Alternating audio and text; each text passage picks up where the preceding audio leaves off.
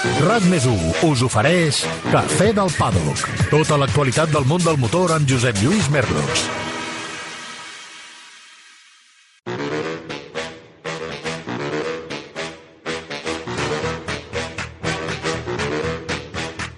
Hola, què tal, com esteu? Gràcies per fer-nos confiança, gràcies per estar una setmana més al costat del Cafè del Pado, que avui tenim un programa carregat de continguts i que pivota, sobretot, sobre eh, dos eixos. D'una banda, el Gran Premi dels Estats Units de Fórmula 1, una cursa molt interessant des del punt de vista estratègic, probablement més des d'aquest aspecte que no pas des del visual, però que jo crec que va donar molt joc. A mi personalment em va agradar moltíssim, a veure què diuen els nostres eh, tertulians en el programa d'avui, i després el Gran Premi de l'Emília Romanya al circuit de Misano, que ens ha portat un nou campió mundial de la divisió reina i ens ha portat la tercera victòria del Marc Márquez aquesta temporada. En parlem tot seguit avui al Cafè del Paddock amb aquesta alineació. Avui, al Cafè del Pàdoc amb... Maria Serrat, Barcelona. Joan Villa del Prat, Sant Cugat. Quim Salvador, Rubí. I com sempre, Carla Gil a la gestió tècnica. ¡Trata de arrancarlo! ¡Trata de arrancarlo, Carlos! ¡Trata de arrancarlo! ¡Trata de arrancarlo, por Dios! Quim Salvador, com estàs, estimat? Quin gran premi, eh? Va ser xulo, eh? Sí, molt interessant, molt interessant. Tothom va sortir a cursa a cegues i vam tenir unes curses interessantíssimes, molt emocionants. Amb les tres categories en parlarem. Maria Serrat, hola Maria, què tal? Tenia raó, Alonso, o no? Tu què creus? De, ¿Del plan o de qué?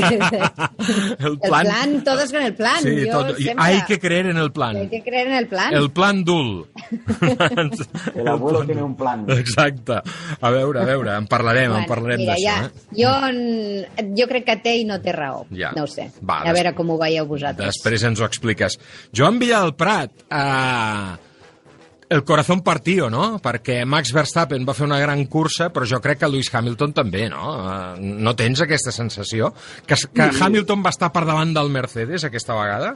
Que ja s'està per que davant, eh? sense, sense cap dubte. Hi ha, hi ha aquest punt que té a, a Hamilton que el fa, eh, vamos, eh, brillant i una altra vegada vam veure aquesta, aquesta remuntada, aquestes matxacades de temps amb, eh, eh, durant la cursa. Eh, la veritat és que se li va posar... Ho van fer-ho bé, Red Bull. Jo crec que aquí l'estratègia va, va comptar moltíssim, se la van jugar a l'últim moment, però al final els va, sortir, els va sortir el resultat bé. Va, parlarem de tot això i de moltes coses més al Cafè del Paddock. Avui, el menú del dia és aquest.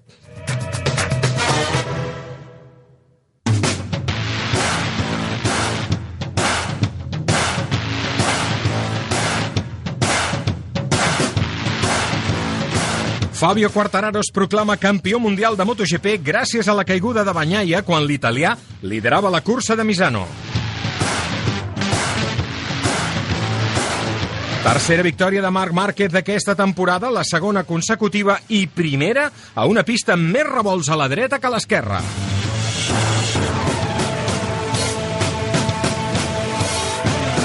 Max Verstappen incrementa el seu marge sobre Lewis Hamilton al capdavant del Mundial de Fórmula 1 després de la primera posició del neerlandès a Austin. Checo Pérez acompanya els dos aspirants al títol al podi del Gran Premi dels Estats Units i compacta la lluita pel campionat de constructors. Els títols de Moto2 i Moto3 es podrien decidir a la pròxima cursa del Mundial de Motociclisme a Portimao a començaments de novembre. Les errades de Ferrari amb Sainz i la polèmica d'Alonso amb els comissaris esportius de la FIA. I també les altres curses del cap de setmana, l'European Le Mans Series, l'International GT Open Circuit, el Gran Premi de Motocross del Trentino i el FIM Enduro Vintage Trophy a l'illa d'Elba. Cafè del Pàdoc amb Josep Lluís Merlos.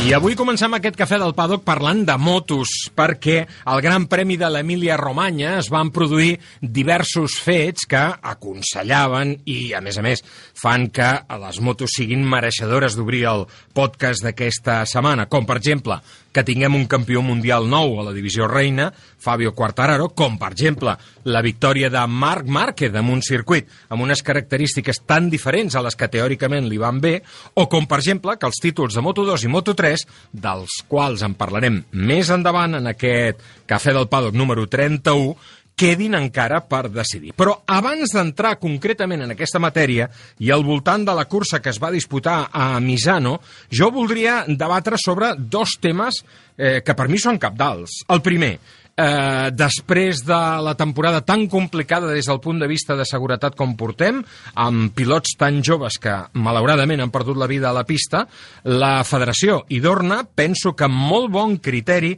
Uh, és una opinió personal, de la que podem discrepar o no, si voleu, l'increment de l'edat mínima per córrer al campionat mundial, sigui quina sigui la categoria, és de 18 anys. Això vol dir que a dia d'avui eh, Pedro Costa, per exemple, no podria córrer al campionat mundial.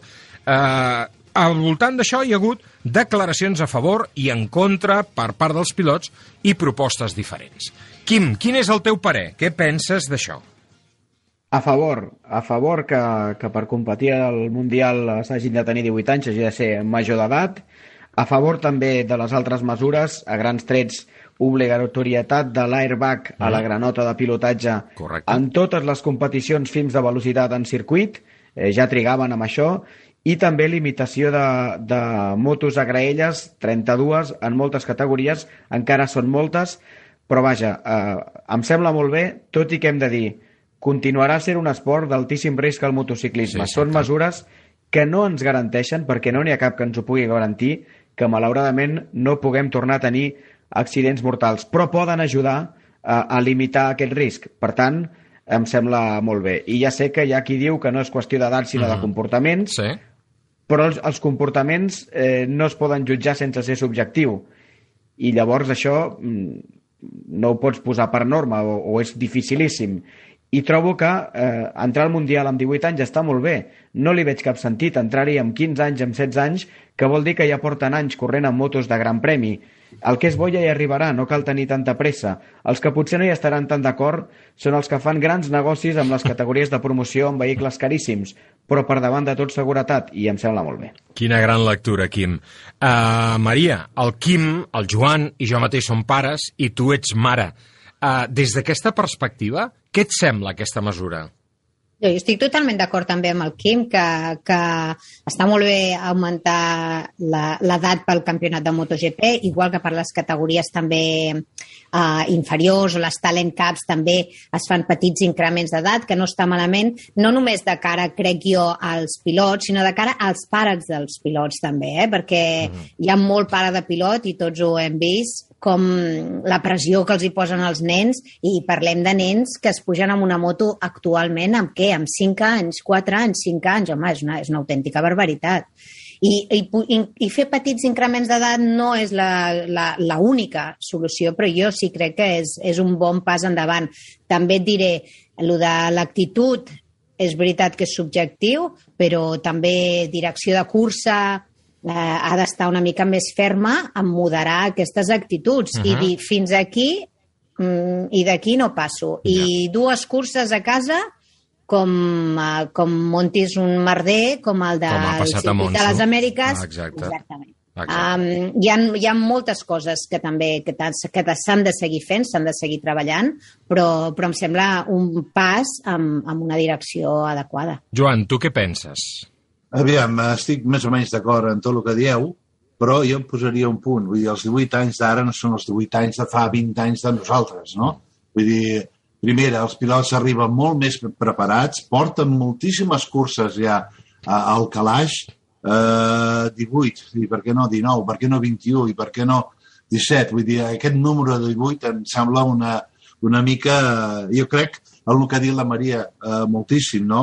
El, el que la faci la pagui i, i que, que el, el, la direcció tècnica de les curses doncs que apretin moltíssim la gent que fot eh, una tonteria des de suspendre una cursa, dues curses, per, per només per fer un exemple perquè la gent s'ho pensi dues vegades abans de crear un merder, no? Jo estic totalment d'acord amb això. Ara, l'edat, 18 anys, home, doncs ens perdríem la bèstia eh, que en aquell moment està liderant el campionat, no? Vull Ja, dir, no, ja. no ho haguéssim tingut. Mm. I, I tampoc, eh, tampoc eh, bueno, Bueno, l'haguéssim tingut potser una mica més tard, jo crec. Clar, ja hi bueno, però arribarà. encara, encara fa més tilín. Home, hem tingut el Max Verstappen, eh, en 17 anys hem tingut... Eh, bueno, al futbol tenim nanos de 17 anys que estan jugant amb els grans. Vull dir, eh, el que hem de pensar una mica és que a vegades nosaltres pensem en com érem nosaltres, és la manera que tenim Ja. de pensar i com estem fets, no? Mhm. Però és que els 17 anys, 16 anys d'ara no són ni molt menys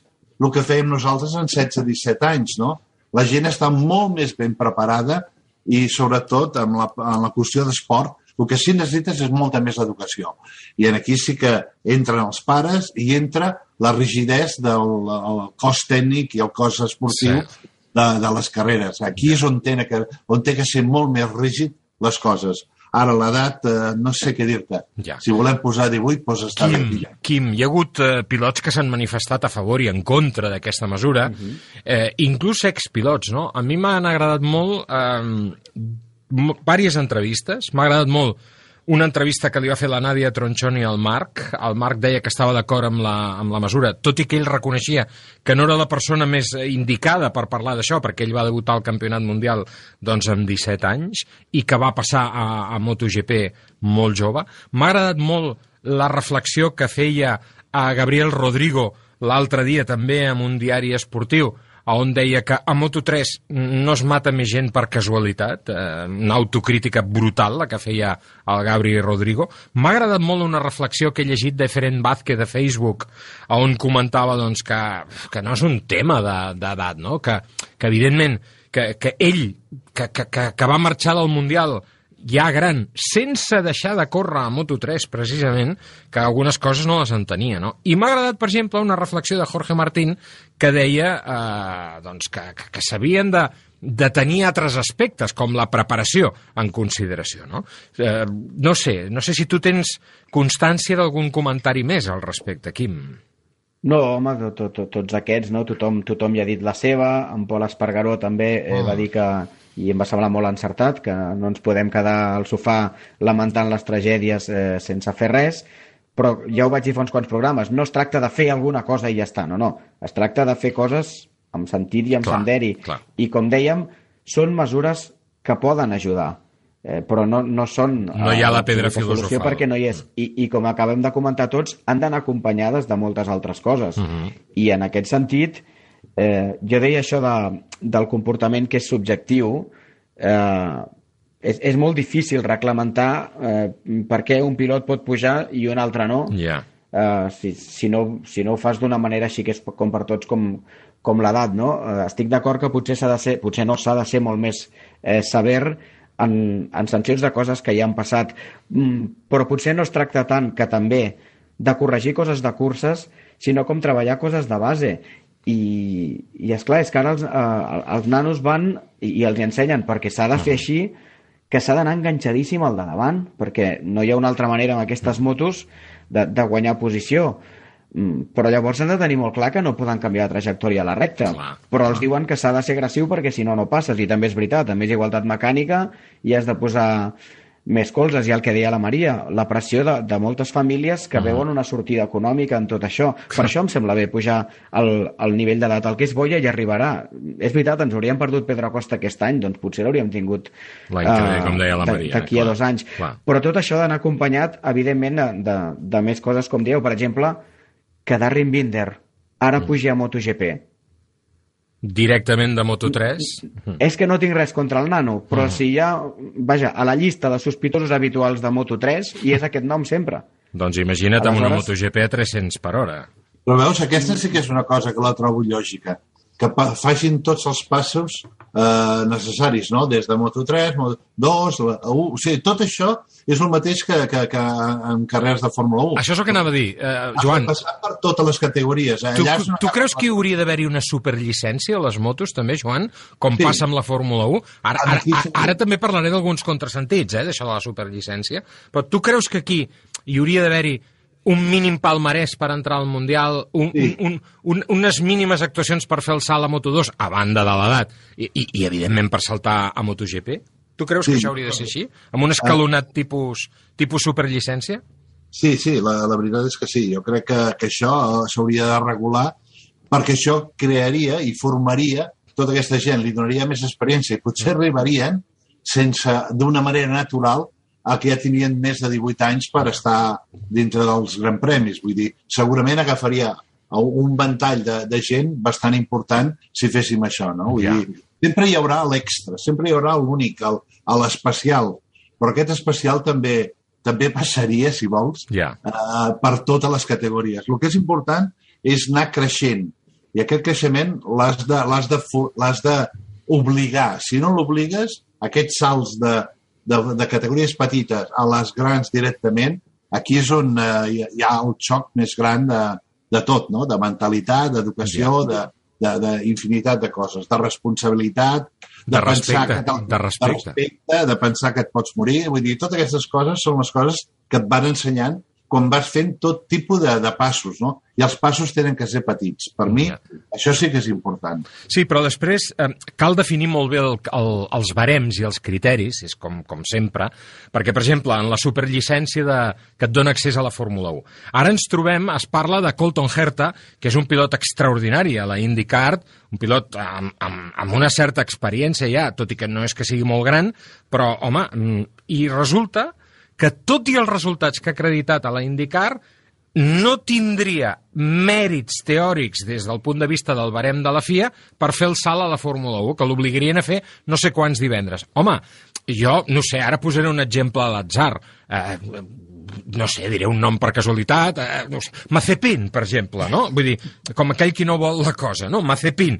Creieu que, creieu que Colton Herta està menys preparat que, que Mazepin per entrar a la Fórmula 1? Maria, què et sembla? A tu, tu Aquí, creus? aquí hi ha uns grans eh, interessos, eh, evidentment interessos econòmics, però també interessos anti-altres categories, no? Per part de la, per Mm. part de la FIA és com aquí o fas els punts amb la meva categoria les Ara, ara. o no valen. Home, doncs a lo millor hi ha una cosa que se'n diu convalidació a la Ja, universitat, no? ja. Doncs a lo millor potser... Bueno, i, i dit Mazepin... també, també podria funcionar. Clar, podria haver dit un altre nom, no sé. És talent, és un talent Innat. sense, Innat, sense sí. encara sense polir, Sí, sense sí. descobrir, no?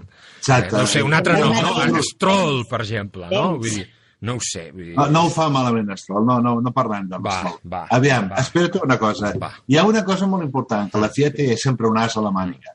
I la FIA, en un moment determinat, pot, des, pot, pot fer-ho sal, sal, saltant-se totes aquestes regles. Que pot fer el que li doni Va, a la gana. aleshores per què fem les normes? Ja, ja. Aleshores per què fem les normes, aleshores? Va, Pues per la llei és aquesta, però me la puc passar pel forro quan em roti. Home, eh, tampoc és Què això. fan els jutges? Pues Ah. això. això haurem de borrar, eh? Que això haurem de borrar. No ens compliquéssim la vida, Joan. Escolta, mira, a veure, hem parlat ara de la pressió dels pares, no? La Maria. Joan, eh, el pilot ideal hauria de ser orfe o no?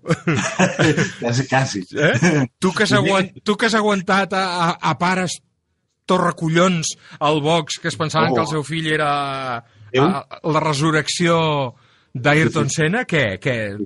Tu què? Bueno, eh, eh, jo crec que en aquest sentit eh, hi ha pares que poden ser bona influència. Hmm. Els que es queden a Home, casa. aquí. Aquests són els millors. No, no, però mira, el pare Carlos Sainz ha sigut una bona influència, no? Uh, el pare del Carlitos, vull dir, uh, Carlos Sainz ha sigut un, un tio que més o menys es, estava sempre enrere, el que donava la confiança. Home, a l'equip però també per- estem per- parlant de tipus de persones diferents. Ja. O sigui, Recorda't és tant, Maria... campió del món Sí, ah, i és una persona, com a persona, super discreta. És o sigui, ja... Sí, però mira, tens el pare Verstappen que és diferent, no? Per dir-ho. això, És això. també, Sí, també és, Té una mica de caràcter, sí. Molt diferent. Mm. eh? però, però vull dir, el pare, el pare Sainz donava les curses. Sí, però- enviava el seu home Mm. per vigilar el nano i el seu home no es fotia mai amb el nano. Juanjo. Eh, el que feia era el contrari, Mm. era estar amb l'equip, intentar informar, i que, que agafar informació, passar-li al pare, i el pare en algun moment datat, quan sabia o quan notava que el fill necessitava alguna cosa, doncs li explicava. Jo, en, poden haver pares que puguin ser positius, Mm. però la majoria, per no dir el 90%, normalment són negatius, sobretot si venen d'una família que esperen que els resolgui la vida al seu fill. Aviam, com, com, com a propietari d'equip, com a empresari que, que ets de formació, si ara t'hagués vingut el pare Mazepin uh, al teu equip, què, què li haguessis dit? No, no, no, que- quédese en casa, senyor Mazapán. Li haguessis dit això o no? no? No, al contrari, m'he agafat els calés. Ara t'escolto. perquè, perquè el meu equip vivia d'això. Ah, vale, vale, vale. Has de, has de comptar que els equips o, o són gent com el Lord Heskett, que en el seu moment Sí. sí. es fotia a la seva butxaca, Mm. o tenen que buscar sponsors. Mm. I els sponsors no venen uh, gratis mai. Ja, ja. Quim, a, a Misano es celebraven, celebraven no, es complien 10 anys de la mort de, de Marco Simoncelli i va haver-hi la plantada d'un arbre, un, crec que era un roure, em sembla, el revolt sí. de l'escorxia, que vol dir suro, no?, en italià, no sé, el Joan, que en sap més que jo d'això, em rectificarà, però em sembla que escorxia vol dir suro, no?, per això hi havia un, un roure o una alzina, no sé què era, en el seu record. Eh, continua pesant, eh, la imatge de Marco Simoncelli. Eh, quina força que- tenia, eh, que a mi- aquest pilot. A mi no m'agradava, És allà eh? mateix, però, al costat clar, de Catòlica, exacte, i, i porta exacte. el nom de, de Simoncelli, aquest circuit. Mm. Eh, hi ha hagut tants homenatges aquest cap de setmana Sí, eh? Mm. que una mica han quedat un, una mica tots Sí, l'un ha tapat a l'altre. diluïts, no? Mm. És una llàstima, Llavors- per exemple, eh, em va encantar el disseny de les motos de Gresini, Sí, noi. retro, blanques, Mm, mhm. amb un rivet de bandera italiana en homenatge a Fausto Gresini, però Mhm. clar, hi havia els homenatges de Valentino Rossi, Ara hi havia parlarem. aquest de Marco Simoncelli, va haver-hi títol mundial i al final sembla que hi ha hagut tantes coses que no ens hem centrat eh, massa en cap, però vaja, al final qui fa l'homenatge és perquè mm, suposo que és perquè li surt del cor, no tant Clar. de cara a la galeria que també, o sigui que a mi em sembla bé tot això, és, eh, no sé, posar-hi una mica més de, de motivitat al Gran Premi. Joan, al, motos, al motociclisme i a l'automobilisme sempre hi ha uh, uh, gent estrelles, no? I vull dir, jo podria comparar uh, això pues, com, com el Villeneuve. Ah, és el que no, anava a dir. No va guanyar cap títol, Mhm. però eh, parles de Villeneuve, pare, i tothom el recorda com la bèstia negra, no? I Mhm. doncs eh, jo, jo crec que amb les motos també passa el mateix, no? I, i aquest personatge pel seu caràcter, per la seva forma de ser, per la seva forma de conduir, per la, les seves habilitats, per tota una sèrie de coses, quedarà i a la memòria a, a moltíssima gent que li agraden les motos. Això no, no té cap... Eh, és tot una, té, té una certa lògica, no? Com yeah. Villeneuve ha quedat en el, en el món de la Fórmula 1 Com una llegenda. Gent, quan, quan, ha, quan no ha guanyat res, no? Uh Mhm. -huh. Hi ha gent que ha guanyat i no se'l recorda tant. En Mhm. canvi, amb ell se'l recorda. Però per què? Per les assanyes aquelles brillants de tres rodes, de lluites, etc etc etc. Vull dir que eh, em sembla que és una cosa bastant normal i jo trobo lògic que si allà al seu poble o al seu país volen fer un homenatge a un personatge així, doncs per què no? Al final ha format part també d'aquest creixement del Clar. món de, de les motos, no? Clar.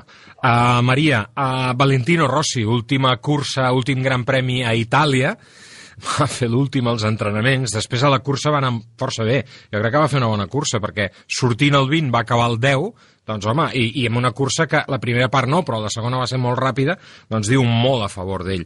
Casc especial, com sempre, quina enveja a, a aquell aficionat que, que va rebre el casc que va llançar en un revolt Valentino Rossi quan es va acabar la cursa. 11.000 barrets grocs... Va ser molt xulo, eh? Va ser molt xulo. Home, és que porten 26 anys seguint-lo. 26 anys, és No. que no és... Uh, I parlem de Lewis Hamilton mm. com una autèntica bèstia. Eh, Valentino Rossi té 9 títols mundials. No en té 7, en té 9 títols mundials. I és veritat que els últims anys l'hem vist amb una... No sé, amb un amb un escenari potser una mica diferent, no? el, que, el que tots voldríem, i com hem parlat ja, doncs la retirada era també cantada des de feia molt de temps, però no deixa de ser una bèstia, una autèntica bèstia, i tant no només ell, sinó els aficionats, com dic, que l'han anat seguint, les processors des de Tabulla, bueno, és que no, el cas que evidentment havia de ser un homenatge, un homenatge per ells, amb la, amb la graderia, amb el cor groc, un casco a mi, a mi em va agradar, m'agrada molt, em va agradar molt, i com sempre un casco del Dodrudi, eh, que no oblidem, Sí, que li ha sí. fet tots els cascs, que És- també, És història, aviam, aviam, és una llegenda, història. És un, t'agradi o no t'agradi, és, és, és un nieto, És un una fenomen. Agostini, és eh, aquesta gent Un ha, ha, ha trencat, ha trencat eh, totes les, eh, les escales que, que es podien trencar, no? Vull dir, i, i per això eh, el reconeixement al màxim, i si es pot retirar en, en viu, encara millor que millor, no? Clar, Vull dir, i, i fins a l'últim moment, torno a repetir, eh, va sortir, bueno, sortia dels últims, eh, acabar el 10, doncs la veritat és que encara, està, encara estan allà, no? Vull dir Mhm. que en aquest sentit eh, ho trobo bé. Eh, tot el que se li pugui fer amb ell serà poc per serà poc, sí, estic d'acord. perquè, perquè, perquè La és un- transcendència és que ha transcendit generacions, ha transcendit països, ha transcendit... Siguis un fan de Marc Márquez, et treus el barret amb Valentino Rossi Sí, igualment. i tant. Sí, I a si més, ets No, persona, no sí. té res a veure. I, I el personatge, no? La, la forma que ha tingut d'expressar-ho. De celebrar I- i- victòries, jo, jo estic completament d'acord estic completament d'acord amb vosaltres amb això, però mm, sobretot quan un és persona, eh, portis la samarreta. Escolta, uh, Quim, uh, tu ets al Barça, oi? Tinc la sensació, no? Tinc la sensació. Sí, Cri- l'has encertada. Jo, jo a vegades... Veus quina intuïció tinc? Jo pensava que era periquito, però bueno. Quim, Cristiano Ronaldo... Joan, per favor, eh? Cristiano Ronaldo era un bon jugador no? És un bon jugador, Boníssim. no? Ah, Boníssim, un fora de sèrie. ah d'això mateix. T'hagués agradat que hagués jugat al Barça o no? No. No, perquè, a veure, si l'haguessin fitxat del Messi. Manchester United sense passar pel Madrid, sí, Mm. perquè al final els jugadors que, que fan ràbia, fan ràbia sempre a l'equip contrari, Ja. perquè al Barça hem tingut Stoichkov, Luis Suárez i un llarg etc que si fossin d'un altre equip no els voldríem ni veure, però Ja. home, després que ha estat el teu gran enemic, no. Però s'ha de ser esportista i s'han de reconèixer les coses i, i és clar, Valentino Rossi, encara que se les hagi tingut amb Marc Márquez i amb Sete Gibernau i amb Jorge Lorenzo i amb tothom, Mhm. i durant la seva llarguíssima carrera hagi tingut algun episodi eh, doncs una mica lleig, és, un, és, vaja, és el Messi de les motos, per això a Itàlia estan com estan, clar. perquè eh, jo crec que és comparable la sensació dels culers al marxar Messi, tot i que no s'ha retirat del futbol, el que veuen ara els, els fans de les motos a Itàlia, Mhm. amb la retirada de Valentino Rossi. És Clar. més, hi ha desenes de milers d'italians que són fans de Rossi, no tant de les motos, que es van enganxar a aquest esport perquè Però això també passa aquí, eh? Això també passa aquí. Fans de Sí, Fernando sí. Alonso i no de la Fórmula És 1, veritat. n'hi ha, ha uns quants, eh?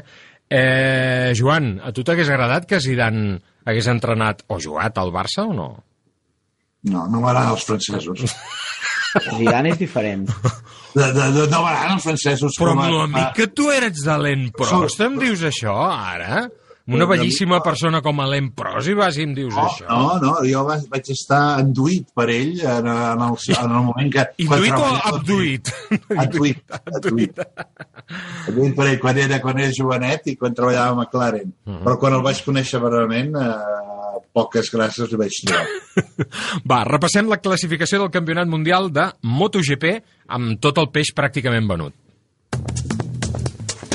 Fabio Quartararo, flamant campió mundial 2021, 267 punts. A 65 punts de diferència, Peico Banyaia, tercera posició pel primer espanyol classificat, Joan Mir, a 92 punts. Primer català, Marc Márquez, a la sisena posició. Atenció, perquè el Marc podria acabar la temporada quart o tercer, encara, que és molt bèstia, sobretot si tenim en compte que es va perdre eh, les primeres curses de l'any. Aleix Espargaró, vuitè, Maverick Viñales, novè, Àlex Rins, onzè, Pol Espargaró, dotzè, Àlex Márquez a la setzena posició, Dani Pedrosa a la 24ena. També són en aquesta classificació Jorge Martín, 14, Iker Lecuona, 18è, en aquesta llista de punts de MotoGP. Quim, uh, no conec a ningú que no s'hagi alegrat del títol de Fabio Quartararo.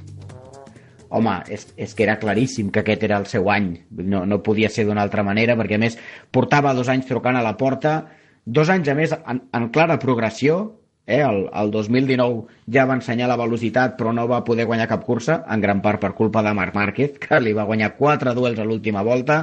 L'any passat semblava que el Mundial havia de ser seu perquè va començar com un coet guanyant les dues curses de Jerez, però després es va perdre una mica, irregularitat, eh, també ell no va saber-ho gestionar i mm, com ho fan els bons no només eh, de canell, sinó també de cap, de tot el que li va passar l'any passat, n'ha après moltíssim i aquest any ha fet una gestió espectacular del campionat fins al punt que els dies que les coses no, no li pintaven gens bé, com uh -huh. ahir, doncs bé, va fer quart i perquè el podi no l'havia de lluitar de cap manera amb Bastianini, que si no estava en posició de podi. Clar. Així es guanya un Mundial, guanyant quan ets ràpid, sent prou ràpid, evidentment, per poder guanyar diverses vegades, cinc en el cas de Quartararo, i sobretot portant bons punts a casa quan no ets tan ràpid. No ha fet un 0 en tot l'any, Quartararo, i aquesta Clar. és una de les claus del seu títol. Per és l'únic pilot de totes les categories que ha puntuat a tots els grans premis, eh?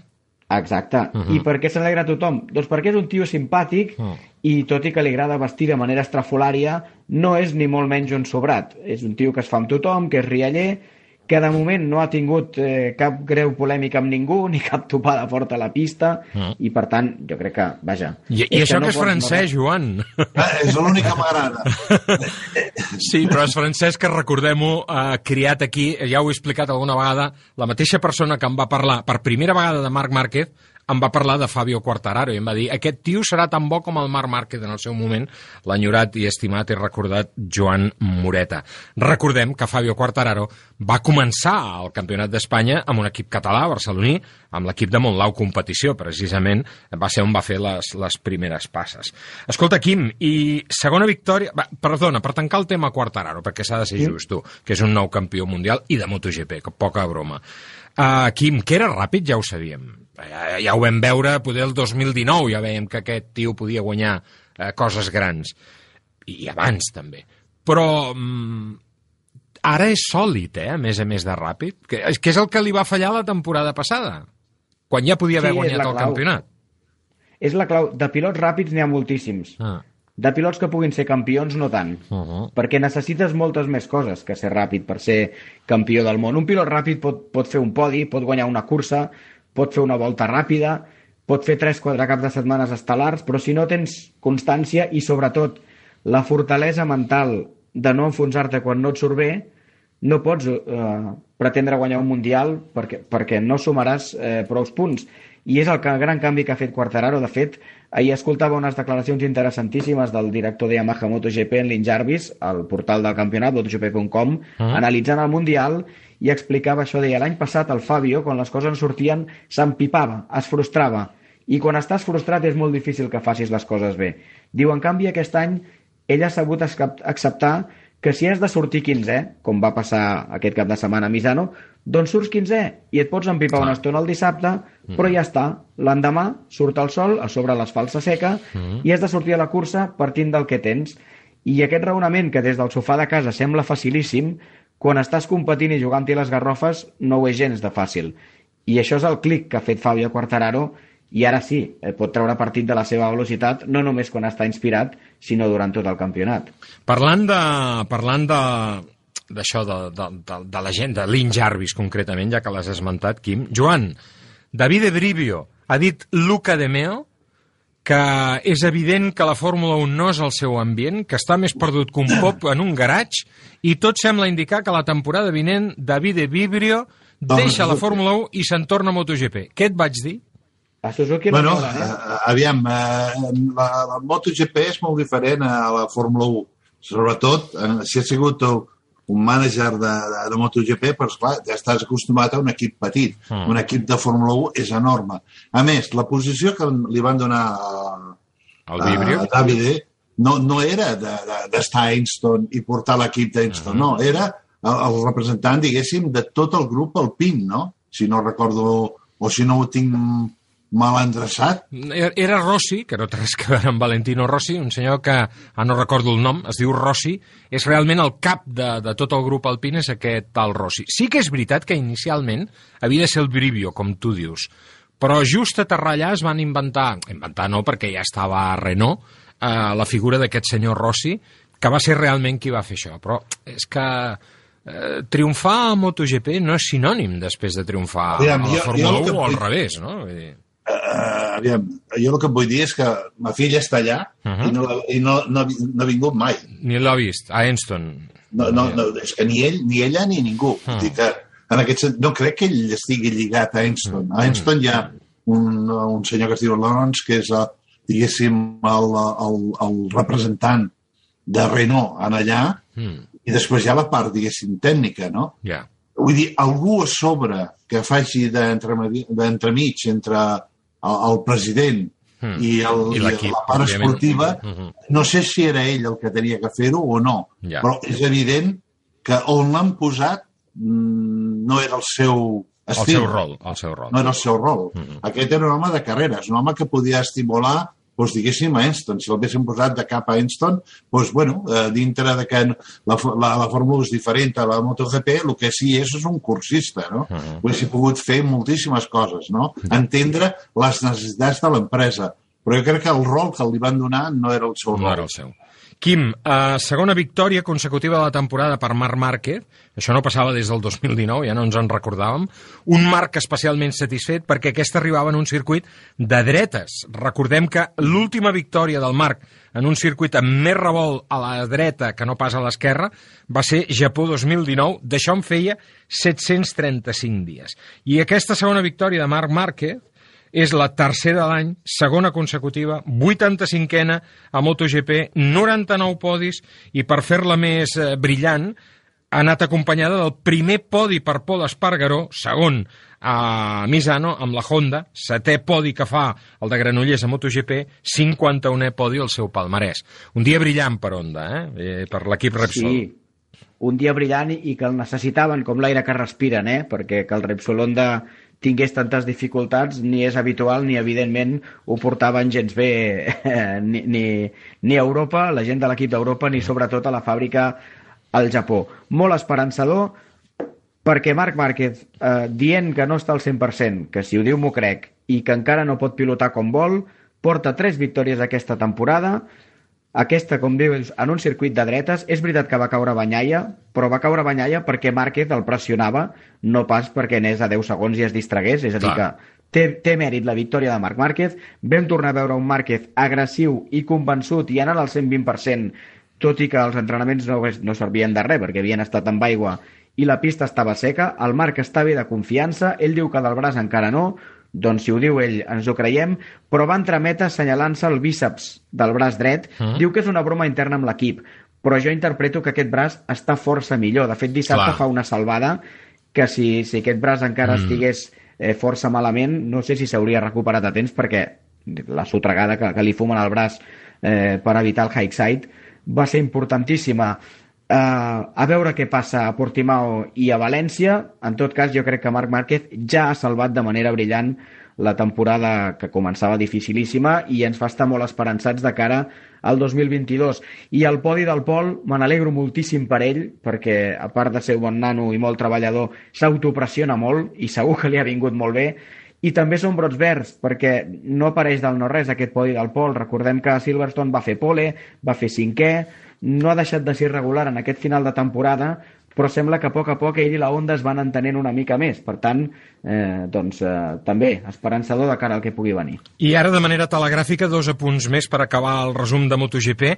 Per primera vegada a la història, el dissabte vam tenir tres Ducati a la primera línia de sortida de MotoGP i en aquesta primera línia Luca Marini. Això és, és interessant, eh, això? És molt interessant la progressió que està fent Marini a la categoria reina, és molt interessant la progressió que ha fet Ducati, no que cap de setmana, sinó tot aquest any, i diria que els últims anys, d'una moto que era un cavall desbocat, que corria moltíssim, però que costava fer-la girar, resulta que tens triplet de Ducatis a la primera fila d'un circuit com Misano. És veritat que la pista no estava seca i que amb aigua no sé per què les Ducati són les que van millor, però la cursa, si Control no de l'haguessin pifiat els pilots, Mhm. era de Banyaia i de Miller. Mhm. I Misano no és un circuit de recta llarga i deixant a la cavalleria, tot el contrari, revolts enllaçats, etc etc. La moto és completíssima, no et sé dir si és la millor de la graella o no. Dissabte, dia gran per ells, llàstima per, pel senyor de línia i companyia, que diumenge, excepte Bastianini, que els hi va salvar l'honor, la van pifiar força. I Ducati serà l'encarregada de proveir les motos elèctriques del campionat Moto-E per les pròximes temporades. No et sorprèn, això? Sobretot tenint en compte Sí. que de moment no tenen cap moto elèctrica a la seva gamma, al seu catàleg. Em sorprèn, però trobo que és una bona jugada a nivell de desenvolupament tecnològic i a nivell, sobretot, de màrqueting de cara a això, entrar amb força en el mercat elèctric. I adorna, amb tots els respectes per la companyia que els hi serveix actualment les Moto E, eh, que és enèrgica, doncs, home, el nom de Ducati té molt més pedigrí, mm. eh, o sigui que em sembla una bona jugada. I tant que sí. Un últim apunt. Joan Mir, no el vas veure molt fora de lloc en aquesta cursa? Primer doble long lap per avançar-se a la sortida, després aquella caiguda en Petrucci, que eh, això són coses que passen, no? Però no creus que per Mir va ser un dia molt trist perquè Fabio Quartararo, setè pilot que guanya el títol de la classe reina amb una Yamaha, juntament amb Roberts, Agustini, Reini, Lawson, Rossi, Lorenzo, crec que no em deixo ningú, però clar, per, per Mir era un dia trist perquè se li acabava eh, allò, el títol de campió del món vigent, no? Sí, i a sobre, com tu dius, tot li va sortir del revés al Joan Mir. Em sembla que és força clar que només té ganes que s'acabi aquesta temporada, que ha estat una autèntica decepció. Jo vull dir, però, que a mi em sembla que el nivell de pilotatge de Joan Mir ha estat boníssim, excepte aquest cap de setmana. Mm. Tot l'any el Joan Mir ha estat molt bé pel que fa a, a pilotatge. El que passa és que la seva Suzuki gairebé no ha evolucionat i havien de defensar Corona i les altres marques han evolucionat moltíssim i per ell això ha estat molt frustrant i tot i això, fins aquest cap de setmana no hem vist un, un Mir que perdés els papers, eh, sinó que, que ha pilotat bé dins de les seves possibilitats. Eh, jo crec que el, el moviment de mercats que començarà l'any que ve, eh, un dels candidats claríssim a canviar de marca és Joan Mir, perquè amb Suzuki ja ha guanyat el títol molt bé i l'any següent eh, doncs no li han donat les armes per defensar la corona en un pilot que jo crec que és boníssim, molt millor del que hem vist a, a aquest any. Per cert, parlàvem de David Ebrivio, com l'han trobat a faltar aquest any a Suzuki. I tant que sí, i tant que sí.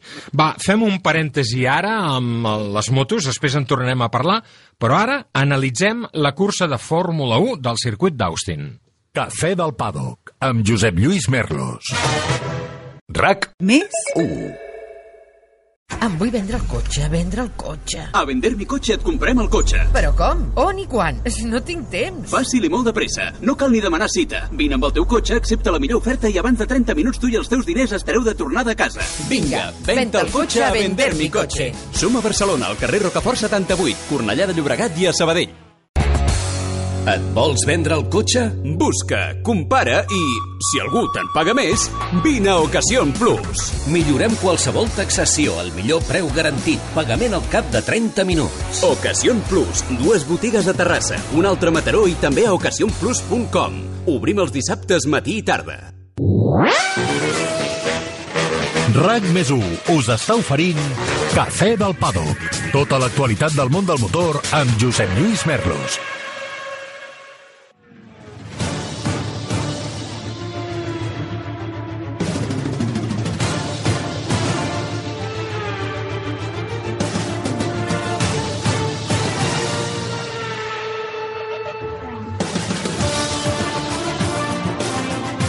Parlem ara del Gran Premi dels Estats Units al circuit d'Austin. Quin gust, Maria, veure aquelles pelús, aquelles tribunes que, que tant ens agraden i que, que coneixem força, perquè és un circuit eh, que hi hem anat algunes vegades i que sempre ens han tractat molt bé. Quin gust, no?, veure aquella entrada tan massiva. Jo hagués agraït alguna mascareta més entre els espectadors, es, es veu que als Estats Units ja no hi ha pandèmia, cosa que celebro moltíssim, eh, però, ostres, eh, era molt maca aquella imatge, eh? era molt espectacular. 400.000 persones al llarg del cap de setmana, eh, que es diu aviat. Sí, sí. Eh, Això feia molt de temps que no ho veiem, fins i tot, eh, o sigui, evidentment ens transporta a Mm. temps eh, prepandèmia, com bé deies, una sensació de normalitat, una sensació de de- d'ambient, ja coneixem bé aquest gran premi i com, i com l'organitzen, que no para d'haver-hi activitats, concerts, eh, escenaris, aparicions, això està...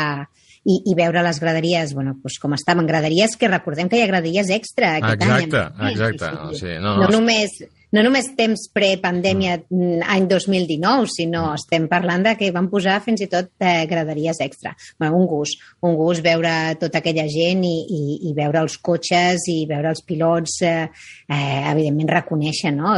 reconèixer aquest ambient i aquest esforç que s'ha fet al circuit també per acollir tota aquesta gent. I veure la simbiosi de la Fórmula 1 i la NBA, Joan, això va ser un homenatge al nostre estimat Iñaki Cano, però també a tu, eh? que t'agrada tant el bàsquet com la Fórmula 1, no? Com... Home, ja, recorda que tu ja vam anar a veure... Sí, a la NBA. La NBA allà. No? Desafiant un tornado, a més a més. Exactament. Desafiant un tornado. A mi el que m'agrada és el circuit, la configuració. Oh, sí, eh? Les S aquelles. Mira, hi ha, hi ha una cosa que és impressionant. És molt difícil a la televisió mm. tenir la sensació de velocitat. Doncs aquest és un dels circuits... Saps per què? Et dones, es dones compte a les S ah, exacte. la velocitat que van els cotxes. Però saps per què? Per la tele ho sents, no? Vull Perquè dir... per primera vegada en molt de temps van decidir baixar les càmeres. I això oh. M'hi vaig estar fixant tot el cap de setmana i a la zona de les S les càmeres estaven baixetes i per això tenies aquella sensació de, de velocitat. A, a la vegada, aquesta càmera també era una cabronada, perquè també t'ensenyava que aquell circuit estava fet una merda, perquè hem vist a poques curses Sí, Joan, però no va passar res perquè Déu no va voler, eh? Bueno, aviam... Els cotxes anaven molt alts, eh? Vas veure el rec que portaven amb aquells gols. Això és el que tens que fer. És el mateix que parlem de si plou o no plou. Vull ja, t'has d'adaptar.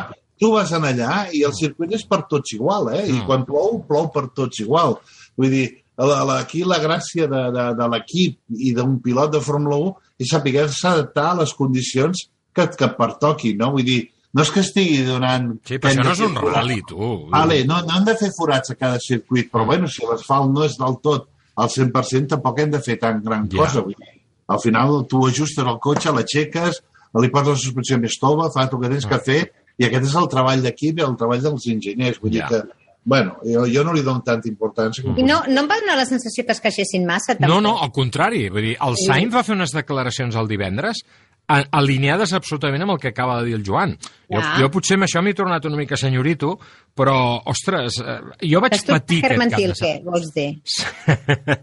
jo vaig patir aquest cap de setmana, eh? perquè veia algun cotxe descontrolat, sobretot els entrenaments de divendres a la tarda o de dissabte al matí lliure 3, i deia, hòstia, hòstia, aquí acabarem amb una pila. Recordeu la trompada que va tenir eh, Alonso, eh? el divendres a la tarda. Compte, sí. eh? Ho va salvar bé, però Ostres, jo veia els cotxes molt crítics, però, en fi, és igual, estic d'acord amb el que diu, eh, també, vull dir, el que diu el Joan. Saps què em va sobrar d'aquest Gran Premi, Maria? A mi que m'agrada molt tot el rotllo yanqui dels espectacles i tal, aquella graella era impresentable, amb aquella tonta eh, que va vacilar el, el, el, el pobre Martin Brandel que no pot ser no, més però, correcte eh, i més educat, dir, el Brandel. Ella no, és, ella no és la que el vacila. Ella està molt correcta i ella li contesta, eh? Sí. I és el, guard, el, els dos guardaespatlles que, de fet... El, el, el tio que hi va al davant, que li dona una empenta, és un cretí aquest, aquest. i el que va al darrere és, és un incapaç mental, el que va al darrere. Absolutament, perquè, perquè... I, i crec que amb això... D'entrada la grella no tindrien que entrar els guardaespaldes. Ja està això d'entrada. Això d'entrada. Suficientment. Mm -hmm. Vull dir, o si entra un artista, un famós, mm. vull dir, tots a la grella són famosos. Ah. I entre famosos ningú es pica, vull dir que no, o ningú no, es mata. Això, això normalment no, pa, no passa, no ha mm. passat fins ara. És un de, crec que ha sigut que es va descontrolar una mica, una mica tot i com bé dieu, a veure, mm, sobre està molt bé veure gent i està molt bé veure tanta gent, tants famosos, una graella de veritat, no, ja. o sigui, com, com quan eren abans els passejos de Martin Brandel amunt i avall, això mm. és fantàstic recuperar-ho. Sí. Ara bé, que potser hi va haver una mica massa Home, de gent. massa gent doncs, allà, doncs allà, també. Havia... I, mm. I tothom ha estat d'acord, eh, mm. que, que evidentment això és casa, entre cometes, nostra, i qui vulgui venir és benvingut, mm. però aquí estem tots, és casa de tots. Sí, home, dir, i, i si t'han convidat, no, no i si t'han convidat ni... tingues una actitud una mica més cordial. I si Clar. ets una borde com aquella noia, que no sé a què es dedica la vida, ho puc intuir, però no sé exactament a què, eh, doncs, eh, si ets una borde com aquella noia, doncs, escolta'm, estàs a casa més de Martin Brandel que no pas teva, o sigui que actua amb una mica més de, d'educació i de imagino que correcció... d'això també n'hauran pres, també Liberty Media haurà pres Home, de- home, espero, espero. Però espero, el, espero. el, Martín, el Martín ha fet unes queixes bastant divertides, eh? Home, Ah, és ho ha fet genial, n'ha tret un partit... Està de, de Sí. vuelta, no. Home, home, home, home, home. S'ha- mullat dintre del fang aquest, Sí, eh? sí. Què, què creus que hagués fet jo si em trobo en una situació així? Joan, què, què li has dit? Va enviar el teu guardaespaldes, jo. A- Agafant Que aquell... haguéssim acabat a comissaria el diumenge. No crec que hagués reaccionat com el Martin, ja ho sabeu. No crec. Eh, eh, la, la cursa ja va començar calenta, clar, amb la picabaralla del Max i el Lewis als entrenaments, i he de dir, va, va, que ara estareu contents, que li dono la raó al Max. Era innecessari el que va Doncs pues fer. el mira, ara Ah, jo, què dius? ara jo et diré que té raó el Max, Mm. però no de les formes. Ah, les tampoc. formes són Ah, molt lletges. també, també. Molt lletges. Mm. I Luis va fer el que tenia que fer, Mm. buscar-li les pessigolles. Aquí Mm, jo ja. dic que... Abans de, abans, de que el, abans de que el Hamilton busqués les pessigolles, Mm. Max li va fotre una passada que li va arrencar les calques, eh? Ja. Vull dir que... Que l'altre el- anava dos per hora, ja. El Perdona? que, va- el que va començar la, el, el joc Mm. va ser una mica el Max, però bueno, aviam, lo, eh, evident que la, les paraules o el dits o, que, o, la, o la gesticulació en aquest cas eh, eh, no toca, però forma part una mica del show. Ja, ja Ja. que Max no vol estar a Netflix, ho fa al circuit, no? fa una mica perquè no ens avorrim eh, els que mirem. No? Ah, I Luis també. Aquí Luis va estar, jo des, del, des dels entrenaments lliures, eh, et, estic aquí, et posaré la pressió, Sí, sí, t'emprenyaré, sí, sí. et, Bueno, et, trauré, et trauré de polleguera. Forma Ja part, de, el forma part del joc, forma part del Exactament. joc. Això. Ara, eh, veure aquella primera línia de sortida amb aquella pujada d'11 graus de desnivell, amb aquell primer revolt a l'esquerra, amb Verstappen i Hamilton, jo deia, mare de Déu, això acabarà com el Rosari de l'Aurora. I si no va ser així, va ser perquè els dos són dos pilots bestials, l'un i l'altre, perquè la sortida va valer tot el Gran Premi, Joan. Bueno, i perquè, perquè el que era evident, hi havia dues solucions aquí. Porto sis punts, Mm, podem anar fora tots dos, però m'haig d'assegurar que tu també te'n vas. ja. Eh? Aleshores, eh, és, perdem un gran premi que al final t'ajuda tu perquè vas a davant del campionat. Mm. Això podria ser una opció. Segona opció, què passa si jo em quedo fora i ell es queda dintre? S'ha acabat aquí el campionat, me la pot eh, donar. Aleshores, tercera opció, no tocar-se. I això és el que va intentar Max. Se'n va anar per fora del tot, al final el va avançar. Una cosa que és important, que a vegades en escena s- s'emprenyava moltíssim, potser es té que revisar i veure quina és la millor posició per al pole. Ah, Si l'interior és millor que l'exterior. Abans es triava, no? No hi va haver Ah. un moment que el Paul de Sitter podia triar el Eh, cantó? Sí, fa molt temps el pilot decidia. Ah, uh -huh. El pilot que havia fet la pole podia decidir. Després ho decidien els comissaris. Mm. I després hi havia el, el que, quan va arribar al Sena, que va dir no, els comissaris no tenen ni idea i el que té que decidir som nosaltres. Vull. Estic d'acord. I, i, I aquestes coses són, bueno, eh, són d'aquells punts que potser es tenen que remirar, no? Uh -huh. Perquè, clar, a l'interior en allà és tremendament important. I la diferència de brut o net potser no va ser tan gran com eh, s'esperava, no? Perquè anaven amb el mig, també, no? Perquè anaven amb el pneumàtic mig. Perquè allò surts amb un pneumàtic més tou i segurament ho acusaries més, no? Possiblement, possiblement. Mm. Però vull dir, és igual, el que, el que està claríssim és que, eh, primera, que Hamilton va fer una sortida molt bona, Verstappen va perdre la partida allà, però carai, com va recuperar la cursa, eh? Vull Sí. dir, estratègia d'equip perfecta, se la van jugar a l'últim moment, eh, Hamilton en pneumàtics de 8-9 voltes més de- d'això, eh, més nous, eh, no va poder amb ell, i vaig veure un Hamilton tocat fent eh, segon en aquesta cursa. Aquí, a Hamilton, li ha fet molt mal. Perquè Hamilton va fer una cursa impecable. Exacte, Llavors exacte. era, és que ni fent ni amb, ni amb un circuit Mercedes, Per ni això, amb el per cotxe això deia Mercedes, que aquesta vegada el Luis estava per davant del seu cotxe, que ja és difícil estar per davant del Mercedes, no? Ho vam veure amb el Bottas. Ho va passar fatal, el Bottas, amb, amb, amb un Mercedes el que tu dius, Maria, en un circuit clarament Mercedes, no? I, i, i, va patir va patir a tope, no? Perquè jo crec que el cotxe aquesta vegada no estava, no estava al nivell, entre parèntesis, afortunadament pels aficionats, perquè Però això ha- dona vidilla al campionat. Perquè ens pensàvem molt- a l'anterior reunió que Mercedes ja... Recordeu que dèiem, ui, aquests de Mercedes han Sí. tornat a recuperar l'avantatge que havien perdut respecte al Red Bull, eh? Ho han fet, eh? Ho han fet. Però els Ho han altres ara han fet. reaccionat aquí, en aquesta, Sí, però han o en aquesta pista, amb l'estratègia. Sí, sí. Amb, estratègia i en coco. I la, una cosa molt bona, Mm. que no se li dona cap mèrit, és el Verstappen, Sí. a un moment determinat que estava, Hamilton estava bastant lluny, el tio anava... No es posa nerviós, sí, sí. No es posa nerviós i va bastant tranquil. Deixa que el Hamilton s'acosti, Mm. perquè està aguantant els pneumàtics. L'únic important de, de Verstappen en aquell moment era entrar a la recta de darrere amb suficient atracció com perquè el Hamilton no l'enganxés. Clar.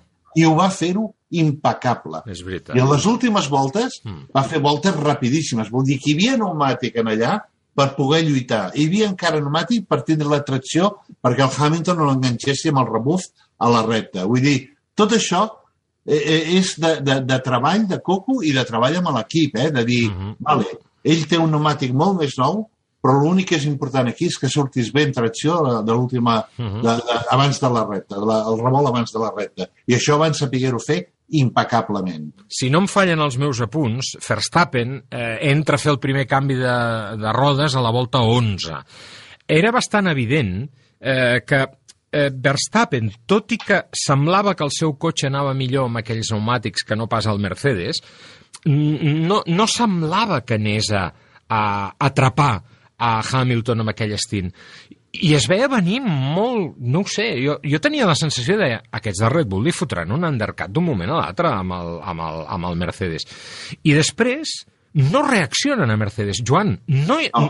No, no es podia fer res més, no ho sé, eh? Vull dir, jo no aniré a qüestionar el que van fer Mercedes perquè entenc que si no ho van fer és perquè devia ser molt difícil prendre aquesta decisió, no? No, no aniré a ser més espavilat jo que 40 enginyers de Mercedes, ara. Però tinc la sensació, no ho sé, no es podia haver fet res més? Pregunto, eh? No ho afirmo, ho pregunto eh, des de la més absoluta modèstia i ingenuïtat, eh? Bueno, el que es podia haver fet era cobrir. Vol dir, entre Entrar ells- immediatament, no? Tu també. Entre ell i la segona, el que no pots fer és estar dues voltes fora. Ah, exacte. Aquí, en aquí, van, eh, aquí van empatar, perquè una vegada s'ha decidit estar fora i no reaccionar ràpid, Mm. llavors es pot jugar a allargar-ho molt més. Pensa que ell va entrar a la volta 10 i Hamilton a la volta 12. Mm. Dues voltes eh, l'únic que fas és perdre. O entres a la volta 11 o entres a la volta 15, per dir-ho, no? O 16. Intentes allargar-ho el màxim que pots. Això és el que jo vaig veure. Però, però bueno, eh, al final semblava que, la, que ho podien fer-ho, que, que, que, que, que l'havien acertat, però no l'havien acertat lo suficient. Anem a repassar com està la classificació del campionat després d'aquesta cita d'Austin. Max Verstappen té 287 punts i mig i Lewis Hamilton en té 275,5, és a dir, estan separats per 12 punts després d'aquesta prova. Què ens queda ara per endavant? Doncs exactament 5 grans premis.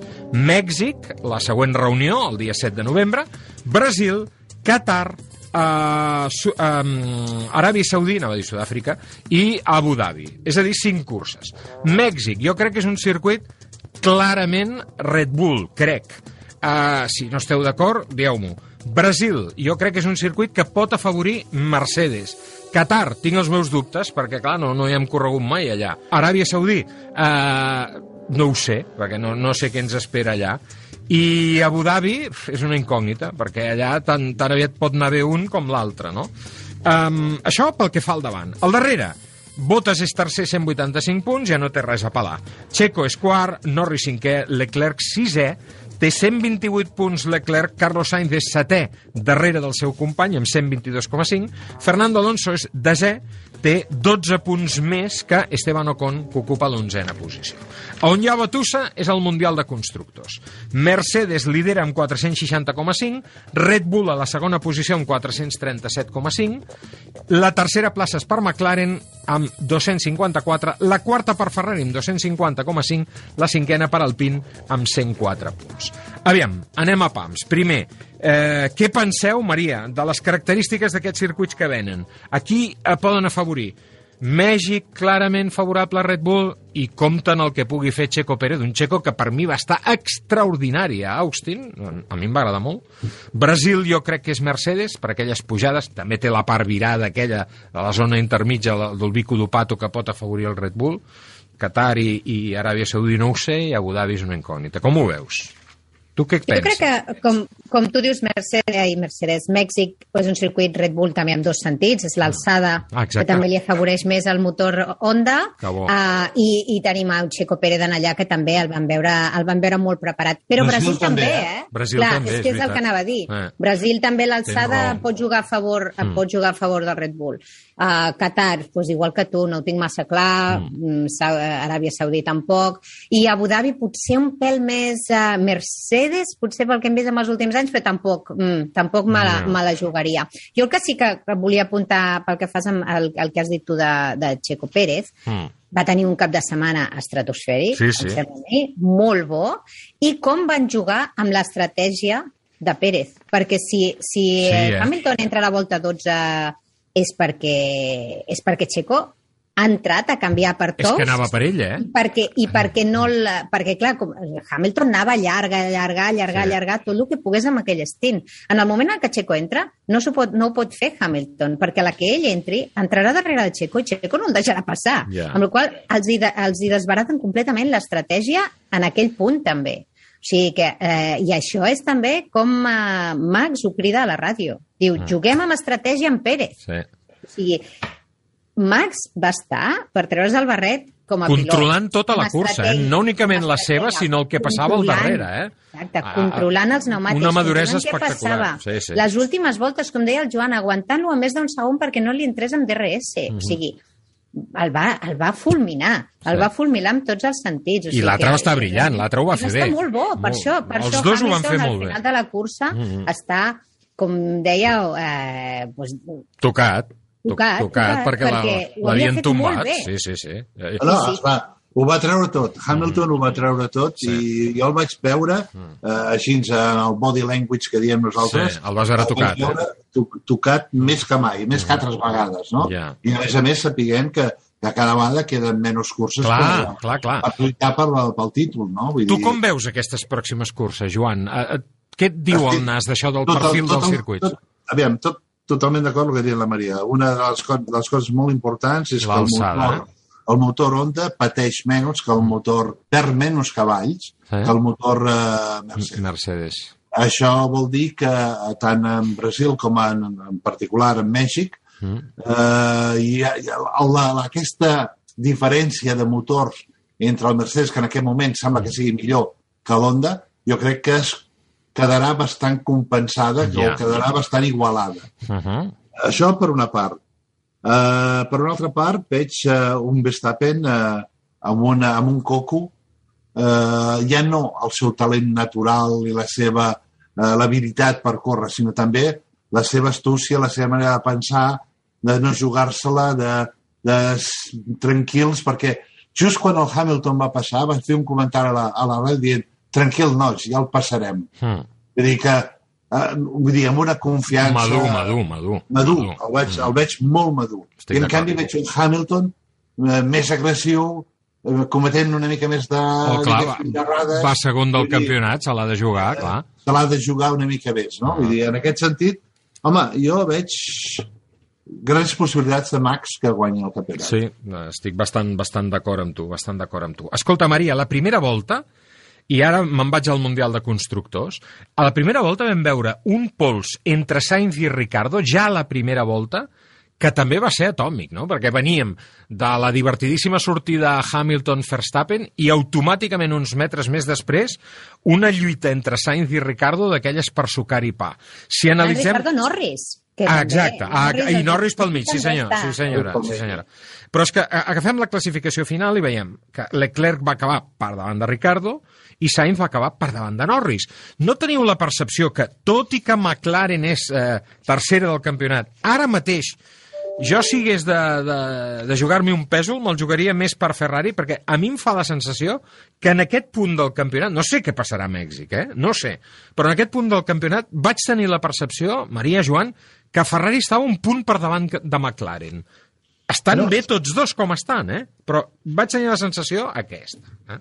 Bueno, sí, si a Ferrari no haguessi fet l'errada amb Ah, Sainz al pit stop, mhm. una altra cosa hagués cantat. Però jo, d'entrada, estic molt content. Has dit primer Checo Pérez i un altre personatge, Ricardo. O sigui, els dos... Sí, ha tornat, ha que tornat, els, hi ha, Ricardo. els, ha, els hi ha costat moltíssim, sobretot a Ricardo, i a Checo els hi ha costat moltíssim. O sigui, Checo estava mil·lèsimes de, de, de Verstappen tot el cap de setmana, eh? Mm.